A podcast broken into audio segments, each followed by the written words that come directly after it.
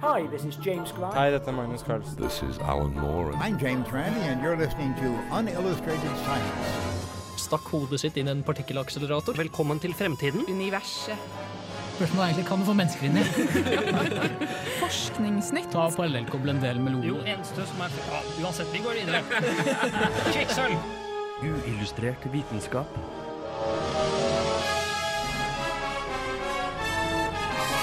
science, works, bitches. I denne spesielle tomannsepisoden av Uleskjelt vitenskap skal Andreas og Andreas fortelle om fenomenet Colony Collapse Disorder, drømmer, og spøkelset til Martin skal fortelle om luftskip.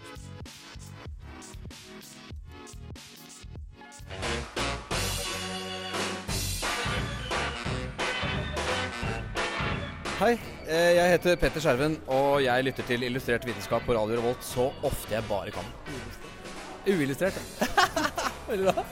Hei, jeg heter Petter Skjerven, og jeg lytter til Uillustrert vitenskap på Radio Revolt så ofte jeg bare kan.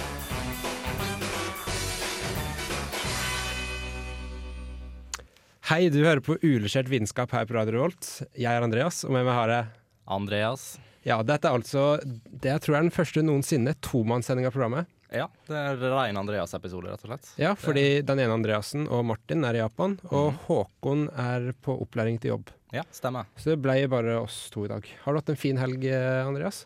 Ja, det har vært mye, går mye skole nå, da. Så det driver på Ja. å skrive oppgaver og alt mulig rart, så Mm. litt frem og tilbake.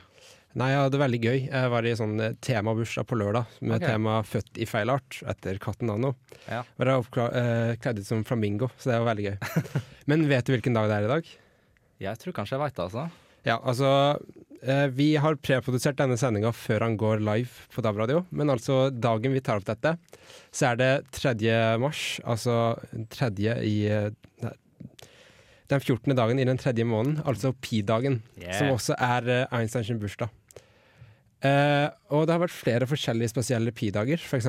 i 1593, når du hadde hele seks desimaler på pi, eh, i motsetning til to som er til vanlig. Mm. Eh, I fjor så hadde vi også en litt spesiell pi-dag. Eh, ikke like spesiell som dette, riktignok. Og det skal vi høre Andreas snakke om nå snart. Og etter det skal dere høre meg snakke om Colony Collapse Disorder, eh, som er et fenomen som skjer med bier. Men først vår kjære sang 'Tryllefløyten' av Fjorden Baby.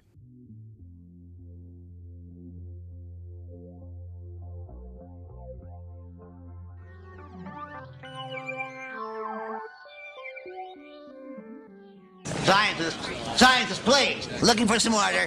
Some order, please, with the eyes forward and the hands neatly folded and the pang of attention. Pi is exactly three. Uillustrert vitenskap. For ethvert menneske med matematisk interesse, enten den er tvungen eller genuin, var forrige lørdag en dag av nesten like stort kaliber som når meiernes kalender starter på en ny syklus, eller hver dag når Uillustrert går live. Det var nemlig pi-dagen, og i år en ekstra spesiell variant. For den 14. mars, eller som det blir på amerikansk skrivemåte, mars den 14., altså 3.14, der pi vanligvis feires med to desimaler, ble pi i år feiret med hele fire desimaler. Om du attpåtil spratt champagnen klokka 9.26.53, fikk du muligheten til å feire fem flere desimaler. For i herrens år 2015 falt pi-dagen på 3.14.15, og som vi alle vet, så er jo pi lik 3,14159263. Viktigheten til denne lille konstanten, som gir oss forholdet mellom en sirkels omkrins mot dens diameter, er ingenting å skue av. Den stadige presens i våre dagligliv er like konstant som tallet sjøl, enten det er for å plage deg gjennom matematiske oppgaver, du ikke driver med matematikk, eller bare er over gjennomsnittet glad i tall. Tenk over dette. Neste gang du feirer pi-dagen, så er det bare en vanlig pi-dag. En pi-dag som i år vil først inntreffe om 100 år. Så vel overstått med dagen, pi.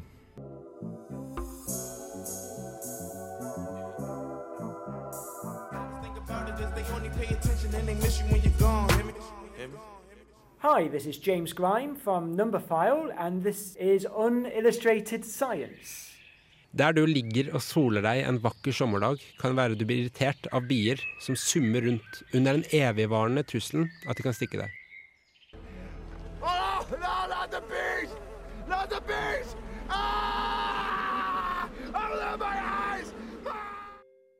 Men selv om de kan være irriterende, så burde vi absolutt være takknemlige for honningbien. Bier er nemlig utrolig viktige for naturen og spiller en rolle i så mye som en tredjedel av maten vi inntar. Pga. måten den pollinerer planter, er det en av de viktigste leddene i matkjeden. Og forsvinner bien, så vil tusenvis av planter følge, og mange økosystemer kollapse. Dette, paret med en alltid økende befolkning av mennesker, ville fått katastrofale følger, der milliarder av mennesker hadde sultet og dødd. Honningbien har også en enorm økonomisk betydning, og pollineringen dens står bak så mye som 265 milliarder dollar i året.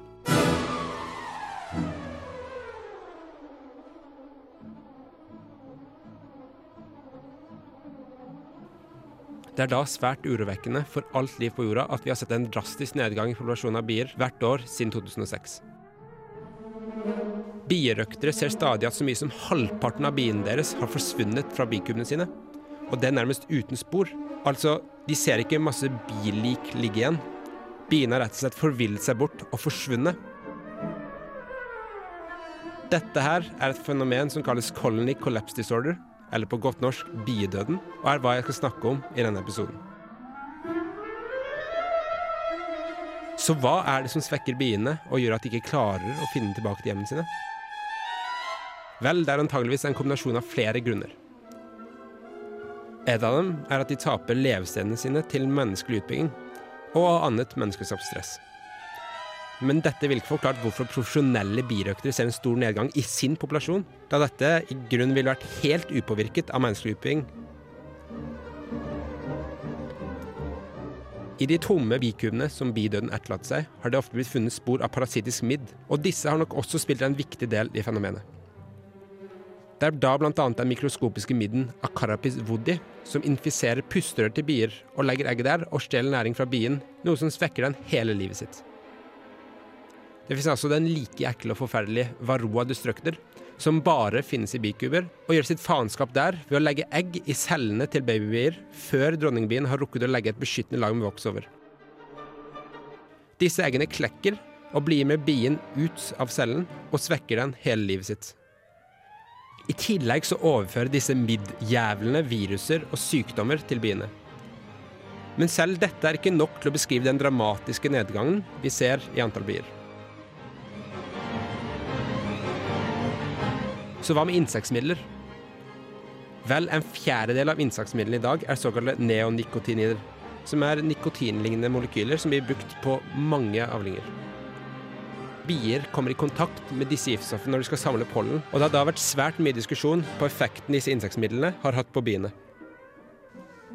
Og det kan vise seg at de er den viktigste grunnen bak det hele.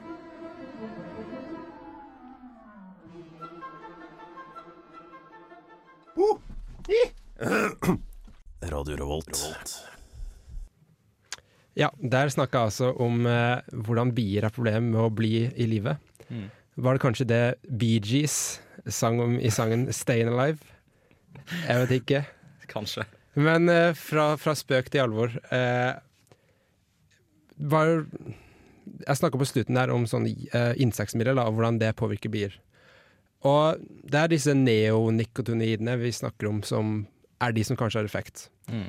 Og problemet her er at de erstatta DDT, som var insektmiddelet man brukte før, på 70-tallet, som hadde vedvarende skadelig effekt for flere økosystemer. Okay. Uh, og neonikotinoidene de er mer selektive enn DDT. Altså, de angriper mer spesifikke ting. Så istedenfor å kunne ha dårlige effekter på fugler og alt slags annet liv, så går de mer konkret på akkurat det de prøver å utslette, da, tror de. Ja, riktig. Men er altså de neonikotinoidene er de egentlig sånn generelt farlige? Ja, de er mest sannsynlig farlige for bier, tror vi nå. Mm. Uh, når det ble gjort forskning på hvordan hvert enkelt av disse stoffene hadde effekt på bier alene, så fant jeg ut av så mye.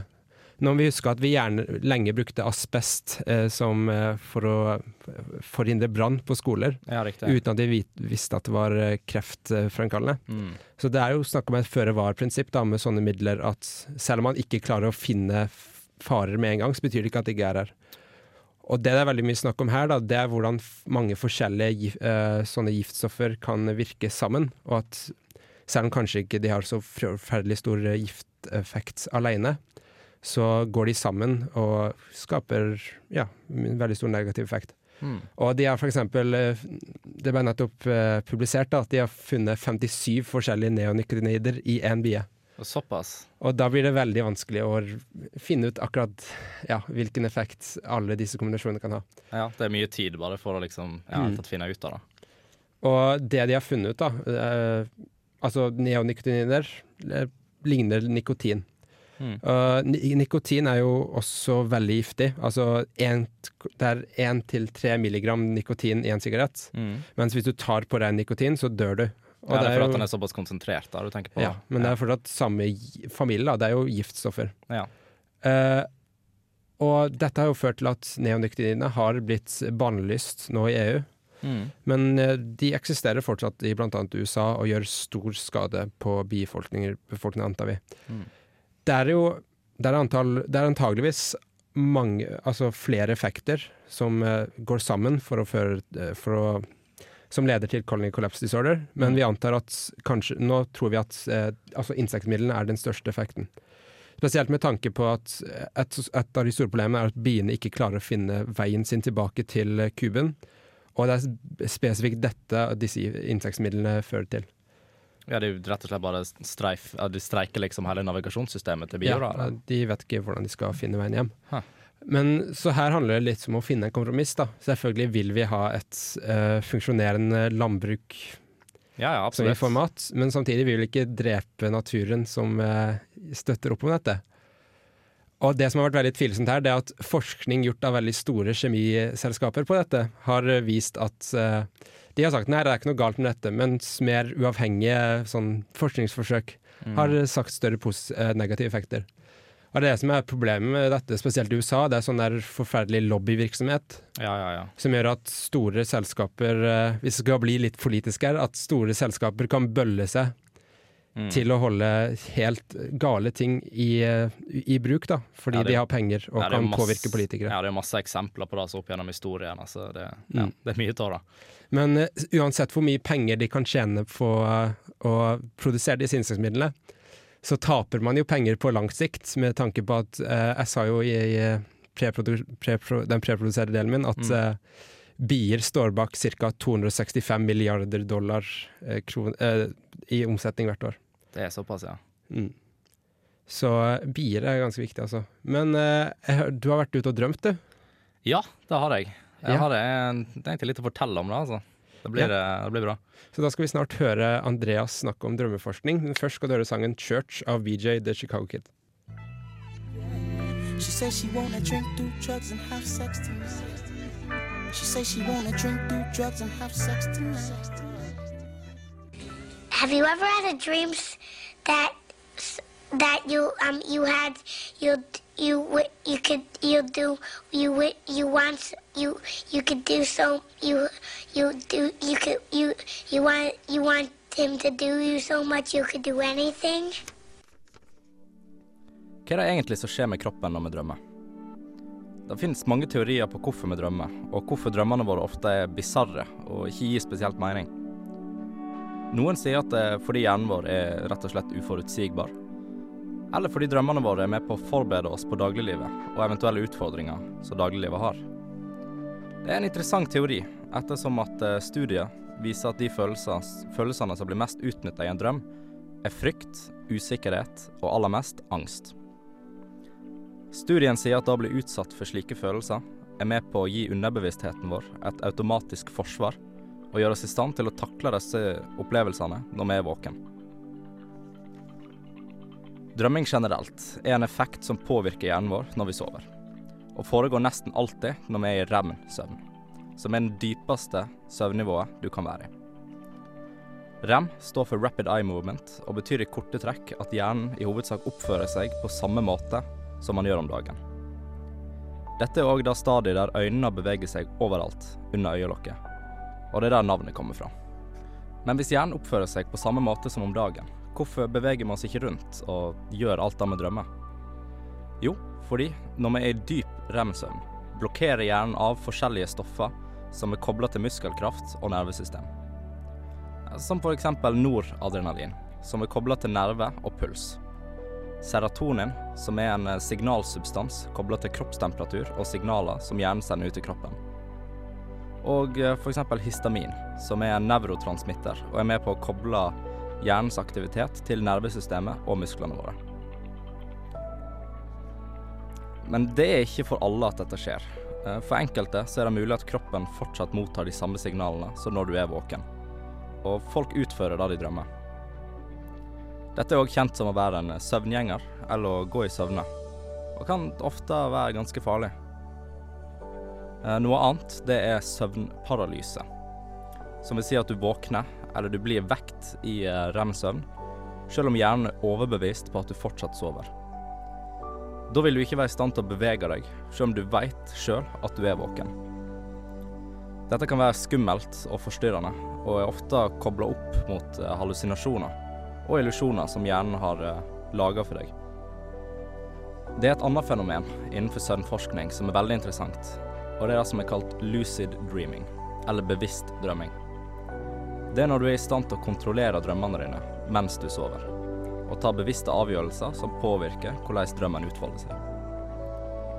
Å oppnå noe sånt krever en høy psykisk selvkontroll og veldig mye tid. Det er ikke, det er ikke lett oppgave å få til en bevisst drøm, men det finnes mange tips på internett hvis du ønsker å prøve. They say we only use a fraction of our brain's true potential. Now, that's when we're awake. When we're asleep, our mind can do almost anything. Such as? Well, imagine you're designing a building, right? You consciously create each aspect. But sometimes it feels like it's almost creating itself, if you know what I mean. Yeah, yeah, like I'm discovering it. Genuine inspiration, right?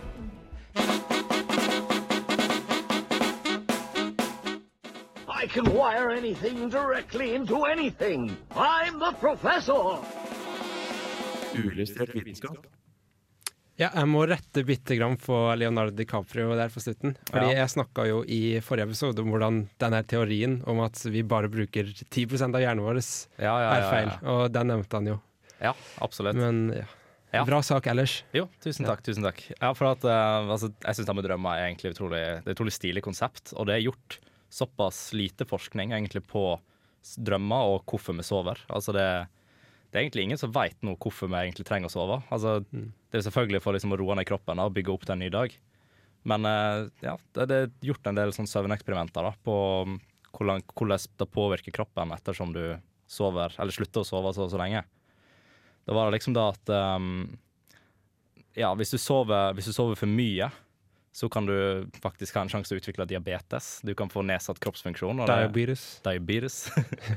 og hvis du sover for lite, så kan du faktisk eh, ja, komme, ja, få depresjoner, du kan Mm. gå opp i vekt.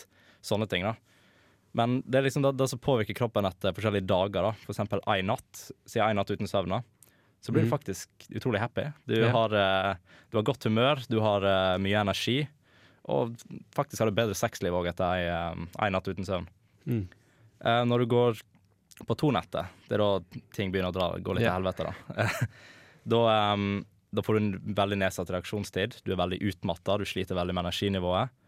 Eh, og du har eh, Altså, du tar veldig mye dårligere avgjørelser, da. Altså, du går veldig på impulser. Mm. Eh, men det er jo det er jo så å si greit. Det finnes jo folk som døgner f.eks. to dager i strekk. Yeah. Det er mye ungdom i hvert fall som gjør det. Eh, men når du begynner å komme opp til annet sånn tre til seks dager, da, da har du det ikke gøy lenger. Da begynner hallusinasjoner, um, ja, nedsatt kroppsfunksjon, immunsystemet ditt, du blir sjuk med en gang, så å si. Yeah. Uh, men faktisk, det er elleve dager er det meste det har holdt en person våken. Eh, og Ok. det som er kult, av at han hadde faktisk ingen lengre skader. da. Altså Han brukte jo en del tid på å komme seg tilbake igjen, men eh, ja, det gikk ganske greit med fyren, egentlig. Um, og det som er tingen da, hvis du sliter, hvis du har for insomnia, da, eh, at du har problemer med å sove og Ja. lite søvn over lengre tid, så blir man faktisk mindre attraktiv. Du blir det? Ja, man blir det. Det er faktisk Mm. en studie på det. Um, og det kan selvfølgelig bli en kronisk lidelse av det. Altså du kan, man sliter veldig etter man har, eh, ja, Ja. etter man har hatt lite søvn. Ja, eh, det jeg tenker som er veldig interessant i, i søvnforskning nå, som er et sånn, litt sånn nyere fenomen, da, det er Mm. at hver morgen setter jeg på alarmen, min, og så, trykk, så går alarmen av, og så trykker jeg på den slumreknappen sånn fire Ja, ja, ganger. ja.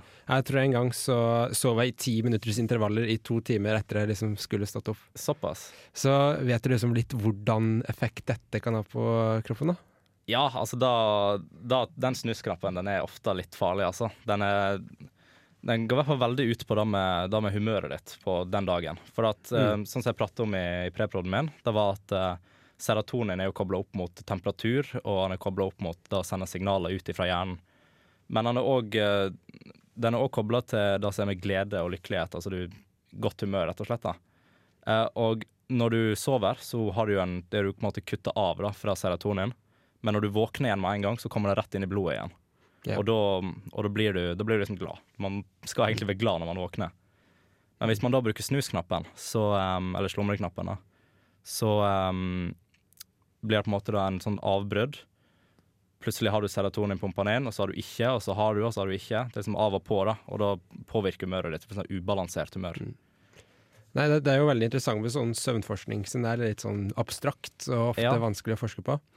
Men eh, nå skal vi gå fra søvn til luftskip, og, og siden vi har en tomannssending, så har vi måttet eh, kjempe litt for å fylle opp all tida. så da har vi dratt fram en gammel sak av eh, uillustrert vitenskap-veteran Sønne Islam om luftskip, før vi spiller en sak eh, fra vår kjære Martin om luftskip. Mm. Men først skal vi høre sangen 'Runimals' av Philco Fiction.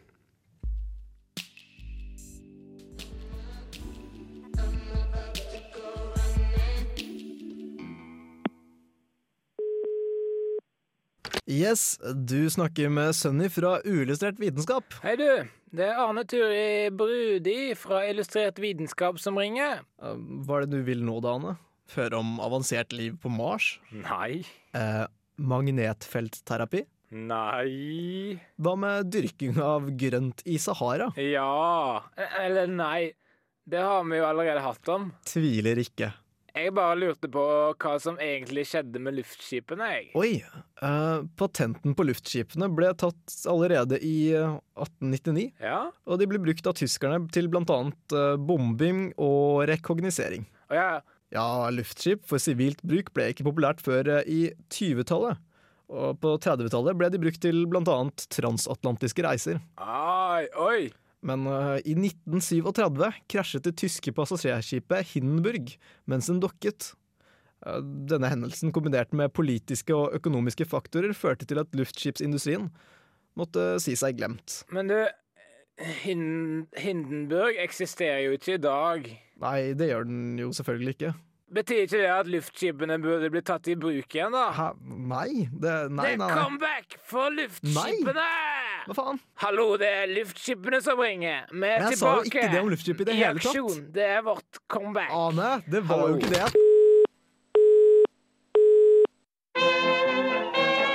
Har du noensinne hatt lyst til å hoppe på et cruiseskip og oppleve verden i overdådig luksus? Hva om cruiseskipet ikke hadde kjørt på vannet, men flydd høyt oppe i skyene? Vel, om du hadde vært nokså velstående og levd rundt 1920-30-tallet, så kunne du gjort akkurat dette. Om du ikke var så velstående og levde litt tidligere, kunne du også ta turen i et stort luftskip. Med litt andre hensikter, vel å merke. Men la oss gå tilbake igjen til hyggeligere tider. På 1920- og 30-tallet var de såkalte zeppelinerne førstevalget for lufttransport av passasjerer, da fly var ansett som upålitelige og utilstrekkelige for lange turer. For hvor skal man sette lugarene og restauranten i et fly?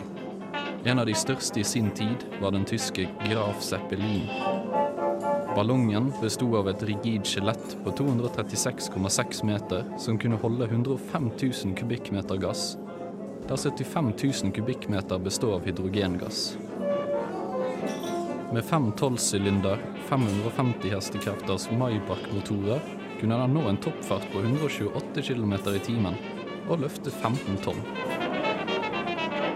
Om motorene fyrte med det propanlignende stoffet blau gas, kunne den kjøre i 100 timer før den måtte fylle tanken.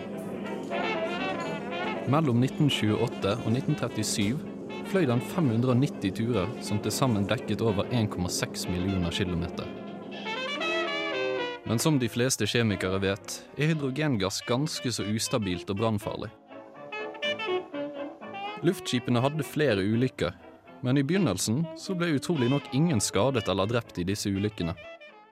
Den første alvorlige ulykken med store tap av menneskeliv var i 1930, da luftskipet R101 på vei til Pakistan brant opp over Frankrike. Den absolutt mest kjente ulykken var i 1937, da zeppelineren Hindenburg tok fyr og krasjet ved Lake Hurst, New Jersey, og ble den første katastrofen vist på TV. Men historien til luftskipet slutter ikke der. Hydrogenet ble raskt erstattet med den mye mer stabile gassen helium. Luftskip ble senere brukt til rekognosering og til å blokkere bombefly i krigstid, og reklame- og kameraplattformer i fredstid. De mest kjente i dag er kanskje luftskipflåten til dekk- og gummiprodusenten Goodyear, The Goodyear Blimps. I fremtiden kan vi til og med forvente å se den flyte over skyene til Venus, om NASA får det til.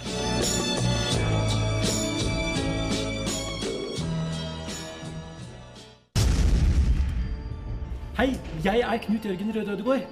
Du hører på Uillustrert, som er eh, like kraftig som en supernova, eller kanskje en hypernova. Like vakkert som en stjernehop, og like spennende som en Venuspassasje. Uillustrert vitenskap. Ja, takk for den, eh, Knut Jørgen. Eh, nå tar jeg over det som egentlig var Martins sak, da, om luftskipa. Og det jeg skal snakke om mest spesifikt, da, det er eh, det han nevnte på slutten om å ha luftskip på Venus. Mm. Fordi Venus og jorda er på noen måter litt like planeter. De har litt samme størrelse. Og det er ofte, som regel er det det den nærmeste planeten til jorda. Det er på en måte jordas onde tvilling. Fordi Venus er en veldig, veldig ugjestmild planet. Venus har 243 dager lange dager, eh, mens de har år som er 18 dager mindre enn det. Så de har faktisk dager som er lengre enn åra sine. Såpass. Så dette gjør at den samme siden av planeten er i sola langt mye lengre. Mm. Og det er eh, på Venus du får de høyeste temperaturene på noen planet i solsystemet, og de har den høyeste gjennomsnittstemperaturen på hele 500 grader celsius. Og en bra fun fact med det i henhold til eh, Venus sin temperatur, er at hvis du eh, tok ut en frossenpizza, en Grandis, min favoritt, Ja. ut på Venus og holdt den på lufta, så, så ville du dødd, da. Men eh, pizzaen ville blitt stekt på syv sekunder. Det er ganske så det er, kult. det er ganske nice, egentlig. Skikkelig nice. Eh, hvis du er skikkelig sulten. Og så er også atmosfæren under veldig høyt trykk, som du ville blitt knust under. Okay. Og så har de en Altså, folk tror at Venus en gang for veldig lenge siden var ganske likt jorda, men at noe galt har skjedd der. Mm. Og det er antageligvis det at Venus har en utrolig høy konsentrasjon av karbondioksid i atmosfæren. Okay. Uh, og vi har jo alle hørt om drivhuseffekt på jorda, og når Ja, ja. de har over 90% tror jeg, så merker du det en del. Ja, ja, ja, selvfølgelig. Og det er også følt til at de har at det regner svovelsyre-planeten på planeten, som ikke er helt ideelt. Og skal vi sammenligne Altså, vi har ikke fått uh, utforska Venus så mye pga. han er så UVS-mild. Mm. Hvis du tenker på Opportunity, som er en av Mars-landerne, roverne, den har vart i over tolv år. Den lengste vi har hatt en uh, lander overleve på uh, Venus, er Venera 13, som overlevde i uh, to timer. Og såpass? Ja, og det var fire ganger lenger enn de trodde han skulle være. Så ja, det er Venus, altså. Eh, og det vi har gjort på Vi har også gjort dette på Mars med Curiosity, men det vi har gjort med flere ting på Venus, er å lande de med ballonger. Ok. Fordi det at det er så stort lufttrykk, gjør at ting flyter uh, mye lettere enn de gjør på jorda. Da. Eh, og der kommer vi til eh, den tingen med luftballonger. Siden skal du lage en luftballong på jorda, så kan du bruke helium. Men på Venus så kan du bruke langt tyngre stoffer. Hmm. For det er ikke så tungt at du kunne lagd en Led Zeppelin, altså en eh, hvor eh, Led er engelsk for bly, og Ja. Zeppelin er engelsk for luftskip. Men du kunne eh, Det NASA snakker om, da, det er å fylle et sånt luftskip med komprimert luft. Og det eh, prosjektet de har egentlig det, da, det er Havoc-prosjektet. Hvor de eh, tenker å ta et eh, romskip, fly det bort til Venus. Og så 50 km over overflaten så fylles det opp med komprimert luft. Som kan flyte i atmosfæren eh, til Venus. Eh, og i det første stadiet så er det et robotisk stadie som passer på at alt går greit, eh, og at det er trygt. Mm. Og så kan man fly mennesker ned i eh, luftskipet. Og så kan de flyte rundt på Venus og ha det gøy og gjøre forskning i nesten to måneder. Og så er det et sånn, en sånn liten rakett festa under eh, luftskipet, som etter endt eh, forskningsperiode kan løsne fra skipet og skyte tilbake til eh, et romskip som tar det tilbake til jorda. Hmm. Og dette er, jo dette er jo ikke noe vi tenker å gjøre med det første, men det er veldig, jeg syns det er veldig interessant å tenke på sånne der eh, hypotetiske måter vi kan reise verden verden Ja, det er et veldig utrolig, altså det et utrolig kult konsept. da, altså Bare det å være i stand til å gjøre noe sånt, det er jo egentlig ganske utenkelig. Du har jo snakka om romheis, Mm. og så har vi ideer om sånn solseil, hvor du tar et stort seil som bare blir slått fremover av fotoner fra sola. Mm. Uh, og skal vi tenke skikkelig skikkelig optimistisk, så hvis vi skal kolonisere andre planeter en dag, som jeg tror vi skal gjøre, ikke i min levetid da, så ville vi sikkert først kolonisert uh, kanskje noen måneder og Mars. Men det er også en veldig interessant idé, interessant idé å ha sånne flyvende byer på Venus, da. Ja, sånn ja, som ja. i Bioshock Infinite, som er et sykt kult spill. Ja, jeg tenker liksom opp på den ene planeten i Star Wars òg, når ting liksom flyger opp. Jeg husker Ja. navnet på den. Jeg husker ikke heller. Jeg husker navnet på de fleste planeter. i Star Wars, ja.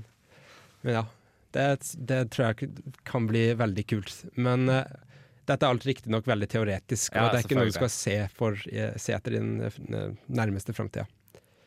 Men ja, eh, nå skal du høre eh, Jeg spilt en faktisk spalte til, men først skal du høre sangen 'Young Girls' av Def by Unga Bunga.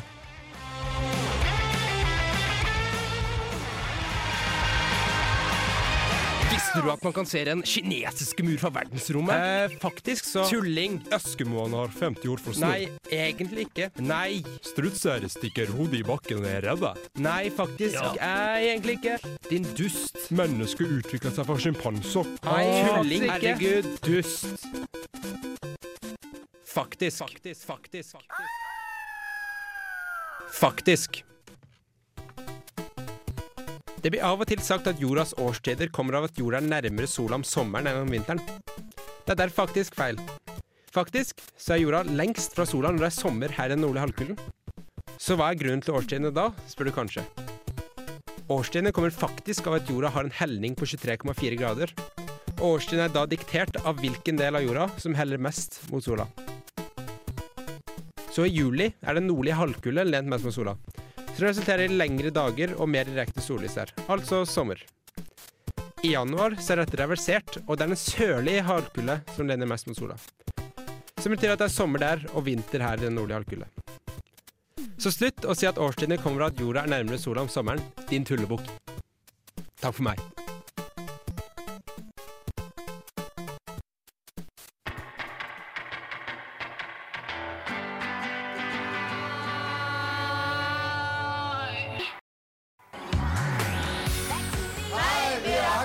Du lytter til radio Revolt.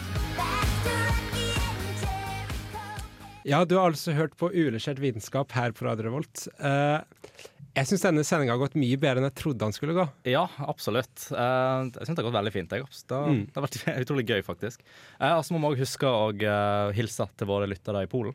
Ja, fordi det vi fant ut for en stund siden, som faktisk er ganske morsomt, det er at vi visstnok er et av de store podkastene i Polen, i Mm. tillegg til Norge. Så det er jo veldig hyggelig å høre. Ja. Så vi vil jo eh, selvfølgelig at alle våre lyttere skal eh, like oss på Facebook. Selvfølgelig. Eh, og gjerne komme med tilbakemelding, eller stille oss spørsmål. Mm. Om det skal være eh, spør stille spørsmål på sida, eller stille spørsmål i chatten. Ja, hvis de har et tema som de vil at vi skal ta opp på, på sending, så er det bare å sende det inn.